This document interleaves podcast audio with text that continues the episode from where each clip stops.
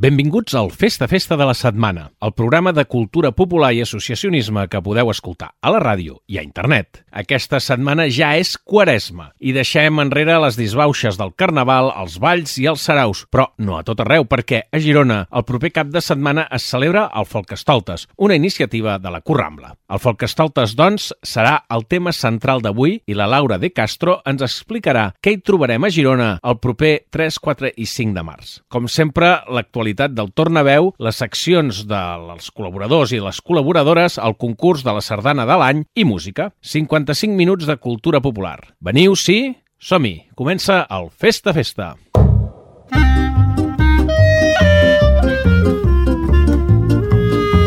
Festa, festa! Cultura popular i associacionisme a la ràdio i a internet.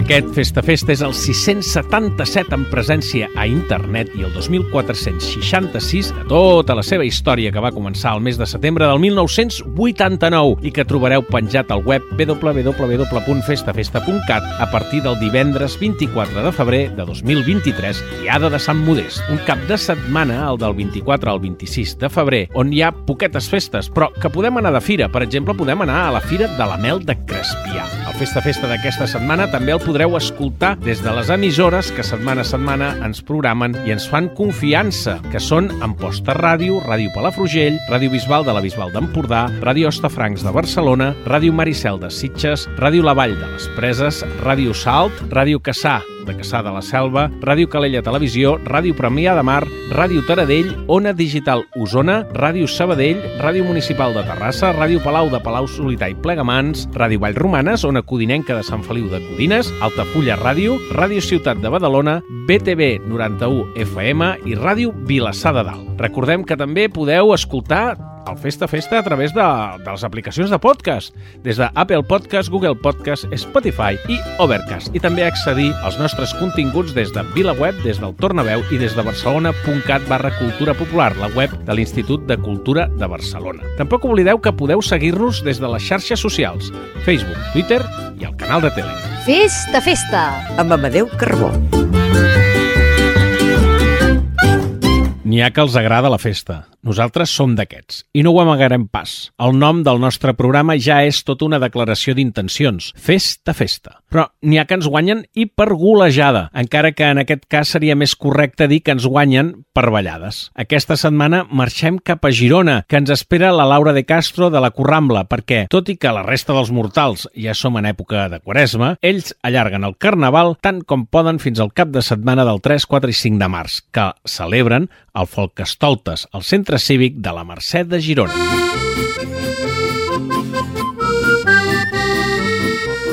La Laura de Castro, abans d'entrar en el folk estoltes i com que els cansats fan la feina, ens ha explicat qui són els cansats, que en aquest cas són l'associació Corrambla. Sí, Corrambla és una associació de músics i balladors de carrer.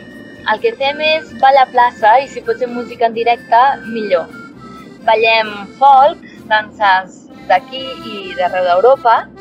Són balls populars. La idea és que són fàcils d'aprendre i que pots venir a incorporar-te al ball i aprendre'ls en el moment. Alguns són en grup, altres són en parella i, bueno, la idea una mica és que el ball i la música estan per viure'ls i gaudir-los, no? no? No fem pas exhibicions, diguem-ne. I com a organització, a vegades fem tallers per poder profunditzar una mica amb aquests balls també fem un parell de cicles, un de primavera i de tardor, que ens reunim els dijous a, a la Rambla de Girona amb música en directe per ballar i tothom és molt benvingut a participar-hi. I organitzem els folkescoltes, que d'això en parlarem ara. I ara que ja sabem què és i què són la Corrambla, ara volem saber què és el Folkestoltes. Doncs el Folkestoltes neix fa 12 anys un grup de gent de l'organització va tenir la inquietud de dir bueno, fem una jornada amb molts grups diferents que sigui més gran i que pugui valdrà la pena venir des de lluny per ballar-hi i portar grups bons, no? Llavors, amb aquesta idea, el CAT, el Centre d'Artes Tradicionaris de, de Barcelona, va recolzar-nos i va ajudar a engegar tot aquest eh, projecte que era d'un pressupost una mica més elevat. Amb el temps es va anar consolidant el festival, s'ha pogut ampliar a dos nits i tres dies, fet que fa que valgui la pena venir de lluny. Ve gent de les Illes, ve gent de València, de Madrid, de França, inclús algun cop italians. El Folkestolta s'ha d'entendre com un festival que és de folk, però situat en el Carnaval, en el Carnestoltes per això es diu Folkestoltes. I bueno, la gràcia és que a una de les nits del dissabte doncs, la ballada que fem és uh, disfressats, que també li dona un toc més màgic. Normalment no el fem coincidint carnaval, sinó que fem dues setmanes més tard, per deixar que, que tothom pugui gaudir de, dels altres carnavals també. I generalment fem tallers de ball, tant d'iniciació com avançats, tallers de música, concerts, que són ballades. També fem una paella i un vermut popular el diumenge i fem també un concurs de música folk per nou grups.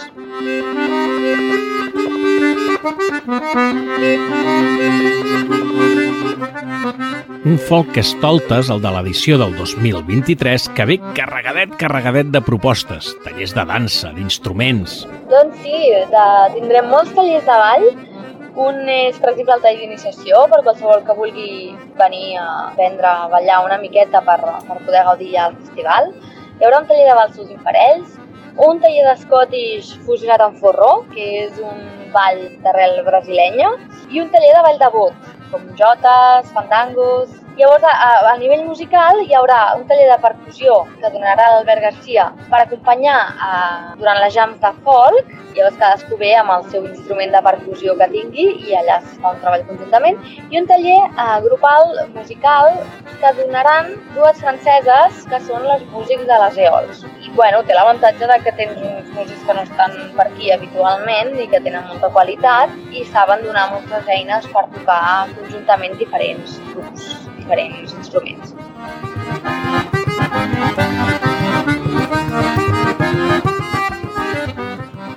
I un cartell excepcional de músics per un ball de disfresses amb concurs inclòs. Doncs divendres tindrem el concurs Robert Bellicer, que ja us explicaré, però seran grupets catalans, i després les EOS, que són un grup francès de dues noies acordionistes, que una toca l'acordió diatònic i l'altra el cromàtic, que són estupendes. I dissabte tindrem dos grups catalans i un altre francès. Els catalans, un serà Vall de Bot, bueno, és un joc de paraula, eh? perquè de vot va amb B baixa, eh, ens faran ballar Vall de Bot, i la gravetat de Colom.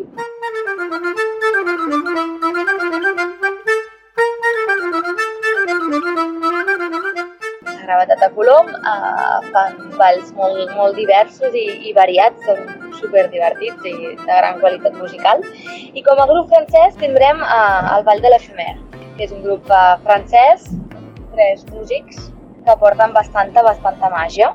I el, el concerts ballades del dissabte són els que seran fent ball de disfresses i de fet tothom pot venir disfressat, es pot participar d'un concurs de disfresses de manera individual o grupal i fem concurs i tot i bueno, és molt divertit i té molta màgia ballar disfressats tot gaudint de la música, una passada.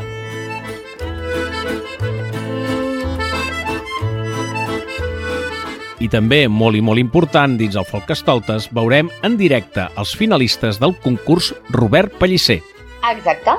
Per posar-vos una mica en context, el concurs Robert Pellicer és un concurs de grups de música emergents de ball folk que neix una mica amb la idea d'incentivar la, la creació de grups, no? Aquella gent que té una mica de composicions, que està tocant per crear de ball folk, que es pugui plantejar una fita que l'ajudi a comprometre's amb el desenvolupament del seu treball. Llavors, bueno, hi ha una primera fase, es presenten tots els grups que volen i d'aquests en triem tres. D'aquests tres toquen el divendres del Folk Estoltes i el públic fa de jurat, juntament amb, amb un jurat més específic i professional, i bueno, entre tots es voten i així es classifiquen els grups. Aquest any tenim els tres grups que es presenten són Salup, Les Incògnites i Verge de Sosa. Salup és un grup que està constituït pel Martí Valero i la Núria Camps fan servir el pedal looper i també utilitzen guitarra acústica, espanyola, veu, percussió i flauta. Després tenim les incògnites, que és un grup de quatre persones, el Torres, la Júlia Juste, l'Arnau Domingo i l'Anna Gudo, i són un grup d'amics que comencen any per fer música i gresca durant la pandèmia. I per últim tenim el grup de Verge Zosa, que són cinc persones, Guiomar Sandrós, Clàudia Fleta, Lola Ibran, Francesc Garcia i Martí Fleta, i que neixen el 2022 en el Centre Cultural de l'Oliva, a Canyeta, Badalona. I doncs res, aquestes són les tres propostes. Ens fa moltíssima il·lusió que, que apareguin grups nous per poder-los ballar i poder repartir els premis també, no? Els premis, tots els grups tenen premi. El primer grup té de premi la participació remunerada a tots, eh? al Berguedà Folk i a la Fira Mediterrània, que són dos esdeveniments de referència de Catalunya. El segon grup de premi participar a la Robertiada, que és una jornada també dedicada al Robert Pellicer de, i és una jornada de música i cant. I també tenen una actuació a Plaça del Rei a Barcelona, que també és un dels jocs uh, mítics de Catalunya per anar, per anar a ballar. I el tercer grup el contractarem nosaltres des de Corrambla per un dels dijous, segurament de la tardor, perquè puguin tocar en directe aquí a la Rambla i el puguem ballar tots. Així que res, ens fa moltíssima il·lusió que apareguin grups nous per poder escoltar-los, ballar-los i mantenir viva la, eh, la música de ball folk. Moltes gràcies, Laura de Castro, per atendre els micròfons del Festa Festa i que tingueu el millor folk estoltes del món. I no pareu de ballar, perquè ballant, ballant, la gent s'entén. Més que parlant, segur. I els que ens escolteu, recordeu que el 3, 4 i 5 de març teniu una cita al Centre Cívic de la Merced de Girona per ballar, fer tallers, etc. És el Folkestoltes 2023. Consulteu la programació a currambla.cat. Nosaltres continuem amb el programa. Festa, festa! I ja que el Folkestoltes comptarà amb la presència del grup La Gravetat de Colom, d'aquest grup escoltarem el tema musical Humanots. Humanots.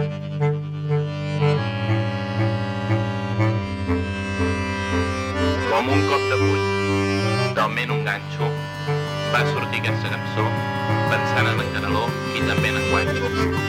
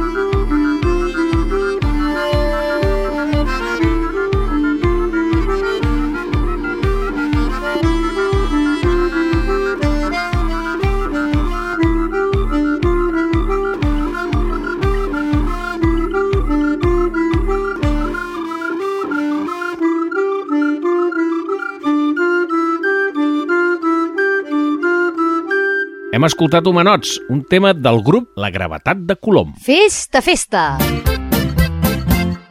La Cristina Costa, com sempre, amb puntualitat i precisió, ha fet una selecció de notícies en format de breus. Són les notícies del tornaveu de l'ENS de l'Associacionisme Cultural Català. Endavant, Cristina. Moltes gràcies, Amadeu. Festa, festa! Les notícies del tornaveu. Doncs l'agrupació folclòrica de Barcelona, una de les associacions culturals més reconegudes en l'àmbit barceloní, celebra el seu centenari. Un dels actes destacats serà el concert que tindrà lloc al Palau de la Música el proper dilluns 27 de febrer. El recital comptarà amb el compositor Marc Timon, que estrenarà una obra commemorativa. Altres activitats previstes són la plec de la catedral el 10 de juny i l'acte institucional de cluenda del centenari al Saló Sant Jordi de la Generalitat de Catalunya, el mateix mes de juny. I el Cor Jove Nacional de Catalunya enceta una nova etapa sota la direcció de Mireia Barrera, que durant dos anys serà la directora titular del cor. Barrera, que compta amb una àmplia trajectòria amb cors professionals, tindrà l'objectiu de potenciar encara més la part formativa del cor. Algunes de les propostes per aconseguir-ho són la programació de sessions de treball amb directors orquestrals de prestigi, sessions d'assaig amb cantants de cor professionals o la participació en concerts de caràcter benèfic o social. Les audicions per formar part de la pròxima edició del Cor Jove Nacional de Catalunya se celebraran els dies 17, 18 i 19 de març a l'Escola Superior de Música de Catalunya, a Barcelona. La inscripció es pot formalitzar a la pàgina web del Cor Jove Nacional fins al 12 de març. I l'Associació per a la Difusió del Folklore, més popularment coneguda com a Difolk, porta la cultura popular a les escoles a través d'un projecte que compta amb la col·laboració de la Diputació de Barcelona, Adifolk oferirà activitats i tallers de cultura popular a diverses escoles de la demarcació de Barcelona. A través del treball de les tradicions i costums, l'associació també té l'objectiu de difondre valors com el treball en equip, la constància i l'empoderament. Els tallers s'adaptaran al territori, per exemple, a la comarca del Maresme es programarà un taller de la dansa d'Arenys, arrelat a les festes de Sant Roc. A les escoles del Berguedà i el Moianès, en canvi, els infants participaran en la construcció d'un gegantó sota la supervisió d'un constructor. I per acabar, l'Oficina d'Afers Religiosos organitza les jornades La llibertat religiosa en el marc de la interculturalitat. L'acte que se celebrarà del 28 de febrer al 2 de març en diversos espais de la ciutat de Barcelona, compta amb la col·laboració del Museu Etnològic i de Cultures del Món. Les jornades combinaran conferències, visites guiades i taules de treball i reflexió sobre pluralitat i llibertat religiosa. Totes les activitats són gratuïtes, però requereixen inscripció prèvia perquè són amb aforament limitat. Les inscripcions es poden formalitzar a través del portal web de l'Ajuntament de Barcelona. Gràcies, Cristina Costa. Us recomanem que seguiu l'actualitat associativa i de la cultura popular entrant a tornaveu.cat. Festa, festa! I arriba el moment del concurs de la sardana de l'any. Recordeu que aquest concurs és radiofònic i de participació popular, on els oients voten les sardanes estrenades al 2022 i que competeixen entre elles per arribar a un concert final on s'escollirà la sardana de l'any. Aquest any la final se celebra el 27 de maig al Casino de Lloret de Mar i aquesta setmana toca la sisena eliminatòria, però això ens ho presenta la Mercè Herrero.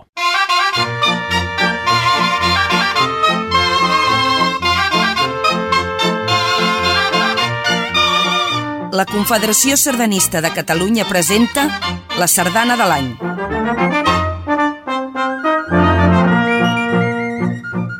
Sisena eliminatòria. Sardana número 1. Sensibilitat tossenca, de Josep Antoni López. Cobla Ciutat de Girona.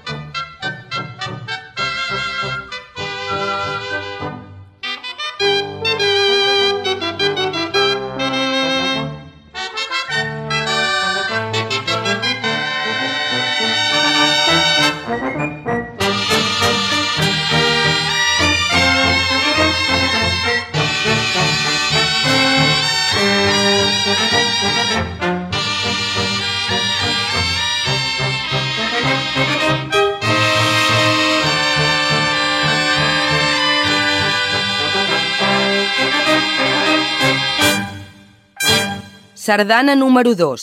Des de sempre, de Jean-Michel Ginesta. Cobla Sant Jordi.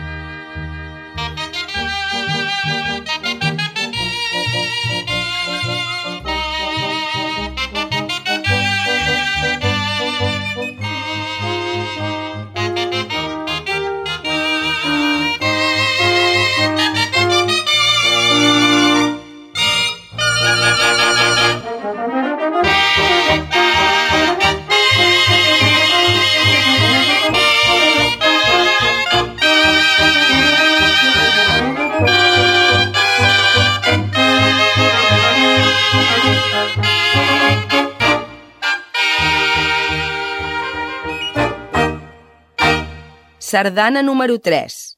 Balaguer, capital de la Sardana, de Dani Gasulla, Bellpuig Copla.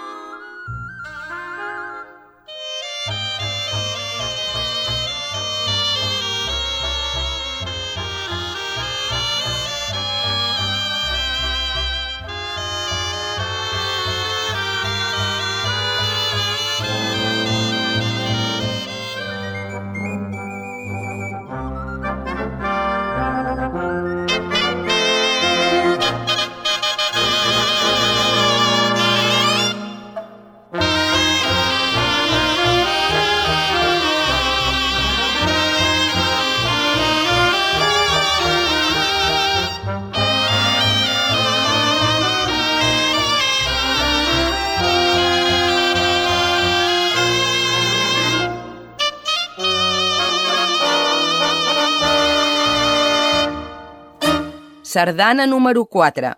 Pluja fina del Raval, de Jordi Feliu Horta. Cobla Sant Jordi.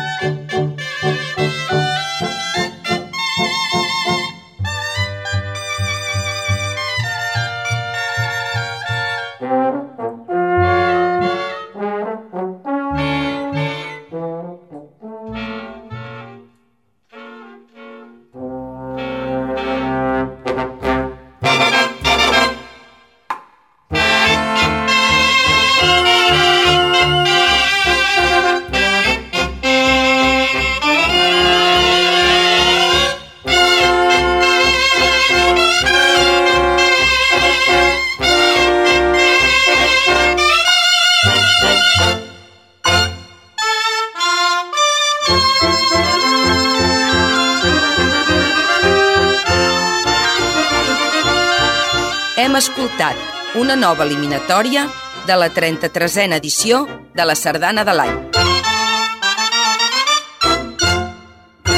Gràcies, Mercè Herrero, i fins la setmana vinent. Recordeu a tots que els que ens escolteu que si voleu participar i votar ho podeu fer al web lcda.cat, eh? No us oblideu i podeu tornar a escoltar les sardanes i votar totes aquelles que més us agradin, etc etc. Participeu-hi. Festa, festa! Recorda't, en sogra, que vas ser hora. Aquesta és la dita que avui en Víctor Pàmies ens explica des de Vallromanes estant. Són les dites i refranys.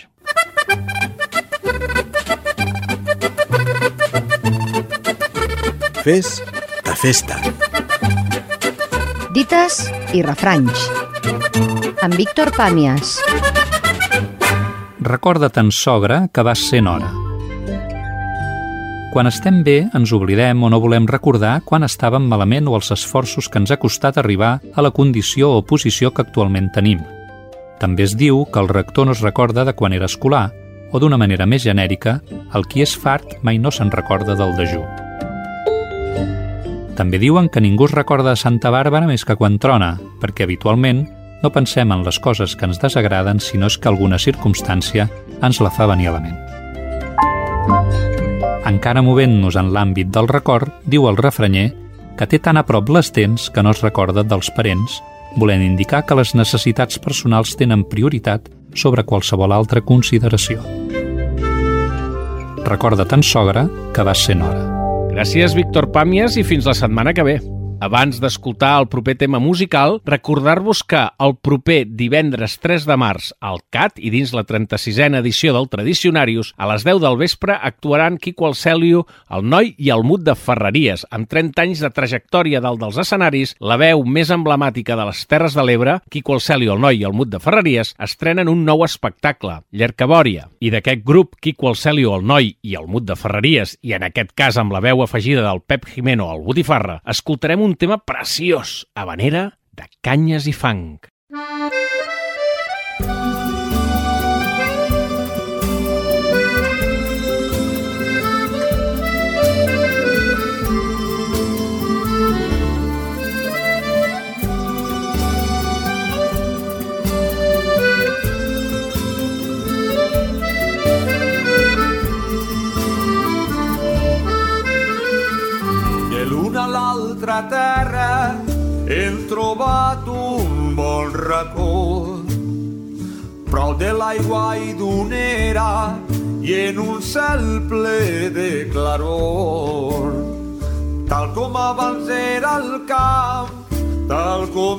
la tradició.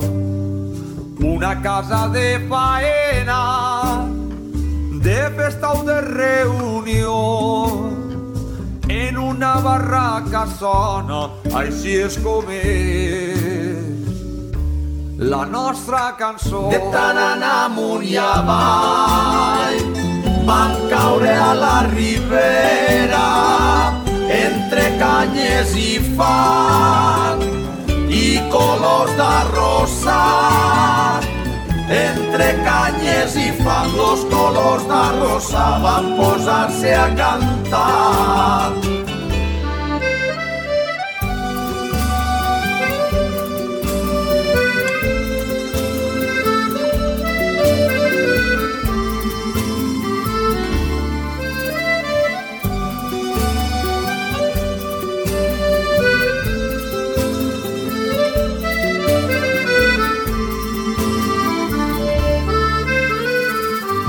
jotes i fandangos, de dolçaina i de tabal, de margens plens d'olivera, de garrofes i arrossal. Que si natros o vosatros, com li digues, tant se val. Aquí tens una figuera i allà hi ha un tarongeral que bonica és la manera en vendedal. O si vols emmestrar... De tant anar amunt i avall, van caure a la ribera, entre canyes i fang, i colors d'arrossa. Entre canyes i fang, los colors d'arrossa van posar-se a cantar cantar de tant anar amunt i avall van caure a la ribera entre canyes i fang i colors d'arrossa entre canyes i fang los colors d'arrossa van posar-se a cantar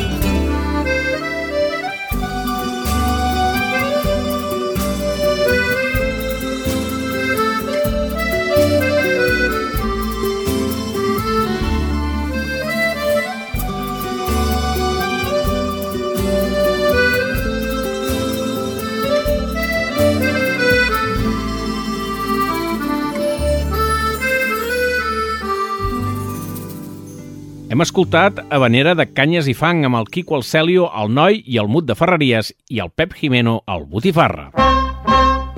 Festa, festa! Seguim celebrant el centenari de l'obra del cançoner popular de Catalunya. La Pilar López Arcos aquesta setmana aborda el tema de les fotografies. Endavant, Pilar! Festa, festa!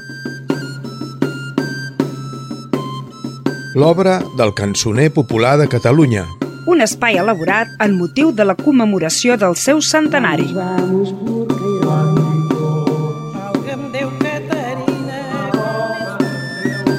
Documentat i presentat per Pilar López Arcos. Càpsula 12. Les fotografies. A les ordinacions de les missions que havien de signar els missioners abans de posar-se en camí, s'especificava que s'havia de fotografiar els informants i el que es considerés útil com a informació de caràcter etnològic. Si amb els cilindres de cera les mostres que ens han arribat audibles són més aviat escasses, no ha estat així, per sort, amb el material fotogràfic. Uns dels missioners que més fotografies van fer van ser Joan Tomàs, Baltasar Samper i Palmira Jaquetti al costat d'alguns dibuixos fets pel seu marit Enric d'Aust. En total, el material fotogràfic ronda les 4.000 fotografies. No en totes les missions se'n van realitzar, però sí en bona part d'elles. Aquest és també un material de gran valor. El que predomina són les fotografies d'informants de totes les edats, homes, dones i infants. Les seves cares, mirades, expressions, indumentària, la seva posició corporal al moment de fer la fotografia criden l'atenció, com també les mans dels informants adults. Unes mans que ens fan pensar en la duresa del treball que havien dut o duien a terme, així com la posició de les mans en les dones. Les fotografies són una font inesgotable per entendre i copsar com era la vida d'aquests avantpassats nostres que van contribuir a deixar-nos un gran tresor. També s'hi troben fotografies dels informants amb la seva família o al moment de realitzar les seves tasques de treball, ja fossin agrícoles o d'altres menes, com el cas dels tallers de brodadores mallorquines. Aquests eren moments en què el cant acompanyava el ritme corporal del treball, amb el gest, el caminar, els estris que empraven, etc. No tots els informants estaven disposats a deixar-se fotografiar i aquest fet ocasionava situacions ben curioses. D'altres, en canvi, es posaven el seu millor vestit i s'arreglaven per aparèixer bé a la fotografia. Des de l'oficina de l'obra del cançoner s'enviaven als informants les fotografies que els havien fet els missioners com a mostra d'agraïment. També es feien arribar cartes de regraciament als contactes que havien fet d'enllaç entre els missioners i els possibles informants per a facilitar la recolecta de material. Però més enllà de les fotografies dels informants, també ens han arribat fotografies de paisatges, masies, camps, rius, barques, cantis, instruments musicals, conjunts instrumentals, danses, balls, entremesos, etc. Tot plegat ens dona una informació important i interessant a tenir en compte, no pas per viure melancòlicament del passat, sinó per entendre i valorar molts aspectes que han format i que encara formen, tot i que de manera diferent, una part important del nostre present. Caçadors de cançons el darrer llibre escrit pel pare Josep Massot dedicat a l'obra del cançoner popular de Catalunya és també un homenatge als informants, gràcies al bon nombre de fotografies que contenen les seves pàgines.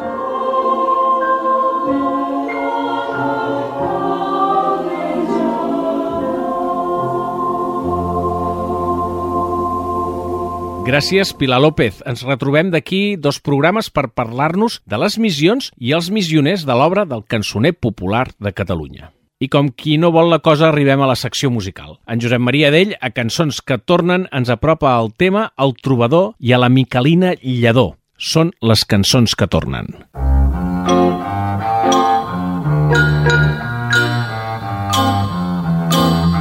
Festa, festa!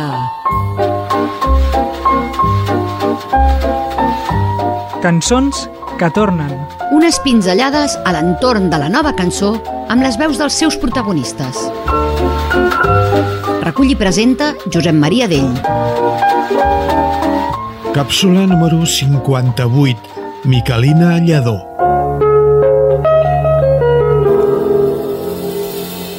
Miquela Lledó és una cantautora, folclorista i investigadora mallorquina que treballa des de ben jove tots els àmbits de la música popular i tradicional balear. Quan començava el seu camí de cantautora, l'any 1967 es feia dir Micalina Lledó, i així és com la volem recuperar avui amb la seva música.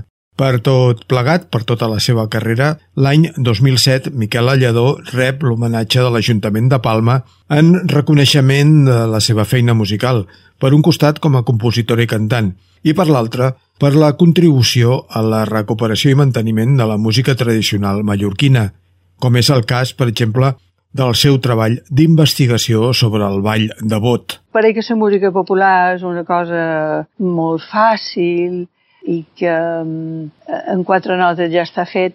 Ha de ser una cosa senzilla, però ha de tenir aquella cosa que la gent connecti. Els que van ser pioners de mantenir viu el ball de bot, que van ser enviar el caragol, enviar el majoral, enviar el descantó, la Montxer de Sant Cloquis, a molt de pobles del Llevant que se mantenien les ballades però en pla familiar, una portassa, un dia per una celebració, una, una rebel·la o una festa. I clar, la gent reivindicava el fet de no vestir-se de pagès i pujar damunt un escenari, sinó que fer el ball de vot com un element viu que continuava al llarg de, dels anys el que havia estat completament soterrat per mort de que durant l'època franquista la secció femenina havia agafat el que eren els balls tradicionals i populars de cada regió d'Espanya per fer unes mostres que no tenien res a veure en l'essència de, de lo que era el ball popular del poble. El treball de Miquel Allador, quan deixa de ser miquelina, és immens, sempre amb dedicació total a la recuperació i manteniment de la música folclòrica balear, per ella mateixa, per les seves investigacions, o posant en marxa formacions com els grups Música Nostra o Ciurell Elèctric. També col·labora amb l'Orquestra Simfònica de Balears. Avui, però, mm, farem tornar una cançó dels inicis de la Miquela, quan encara era Miquelina Lledó, l'any 1967, i presentava el disc primer netament de cantautora, amb les seves cançons, d'entre les quals destaquem i recordem El Trobador. On ets, trobador, on ets, on ets, trobador d'amor, que estàs perdut en el món,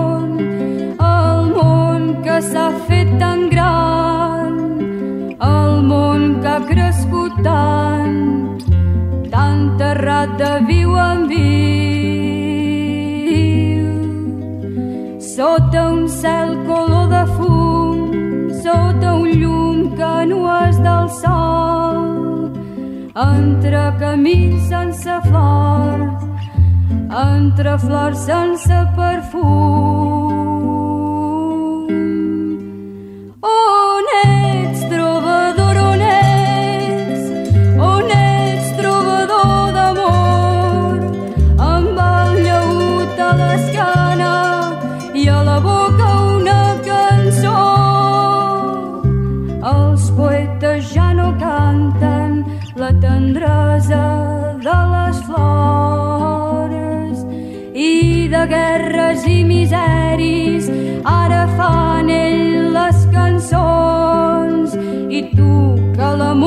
Cantaves a la vida i a les flors i dels pobles que travessaves recollies lo millor. Fent somiar per allà on passaves des del rei al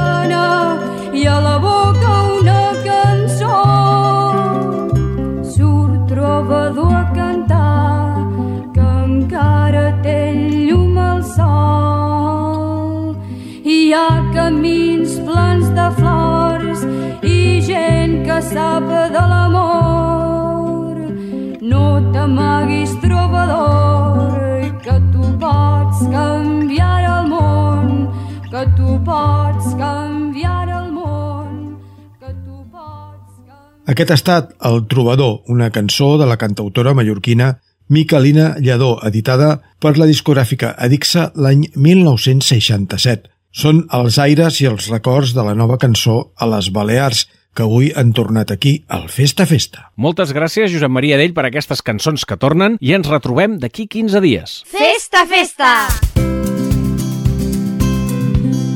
Arribem a la darrera secció del programa. Aquesta setmana toca un fons amades de l'Antoni Serés, el llenguatge de les bèsties i de les coses. Fes de festa.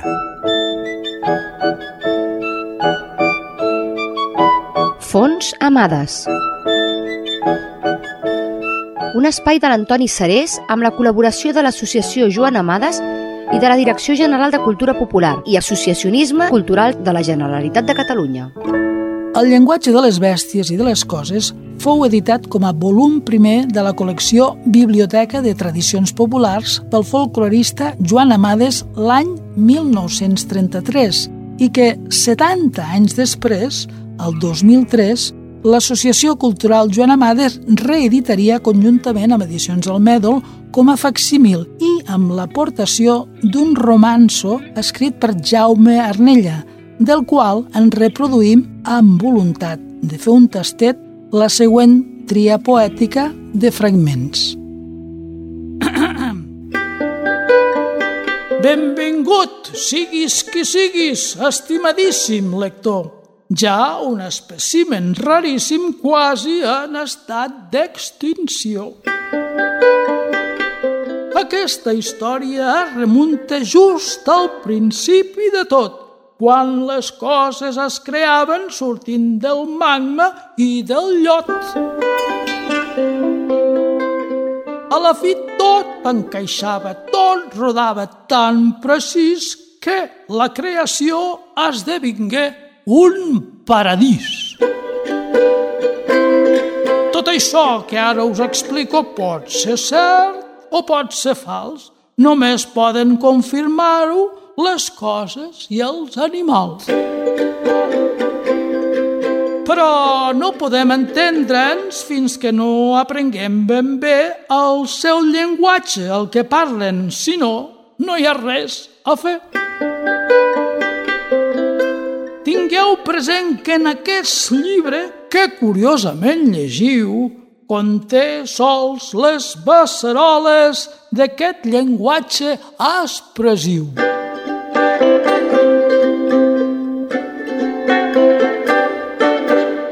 Un exemple d'explicació fantàstica que recull el llibre és la que trobem que dedica Amades al gall i que conta que són molt nombroses i variades les interpretacions donades al cant dels galls, tot fent-los sostenir converses i diàlegs entre ells.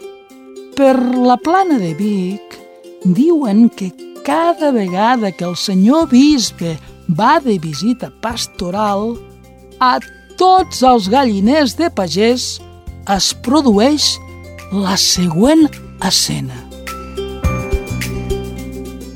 Els galls joves, que per raó de trobar-se en el moment més florit de la vida, tenen més delit i lleugeresa, s'enfilen al travesser més alt del galliner i de tan lluny com el viren al cotxe del prelat, canten amb goig. El bisbe bé! El bisbe bé! El bisbe bé! Els de més temps, des del travesser de sota canten – estem perduts! Estem perduts! Estem perduts! Els ja més vells, un xic més experimentats i coneixedors del que se'ls espera amb motiu de la bisbal visita, diuen amb més dolença. Oh, no em quedarà cap! Oh, no em quedarà cap! Oh, no em quedarà cap! mentre que els galls vells, des del sol del galliner, remuguen. Bah, que aviat tindrem foc! Bah, que aviat tindrem foc! Bah, aviat tindrem foc! Les gallines, avisades del perill que corre el galliner i tement quedar-se viudes, Cata, cata, catasques, estic a punt de caure en basques. Mentre els pollets, que saben que no corren cap perill, no paren de dir piu, piu, piu, piu, piu, jo rai, sóc xic, piu, jo rai, sóc xic, piu, piu, piu, piu, jo rai, sóc xic. Gràcies, Antoni Sarés, i fins la propera. Festa, festa! I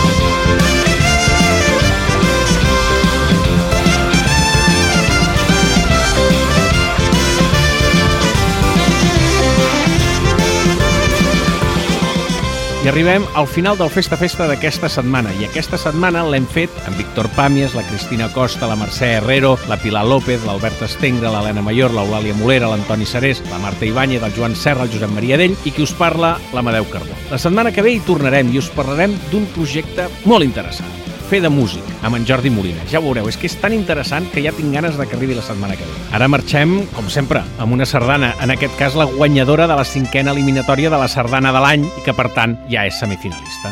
Es tracta de la sardana Els miradors del rock gros, del compositor Amadeu Escoda, interpretada per la copla La Principal de la Bisbal. Amb ella us diem adeu. Fins la setmana que ve. Thank you.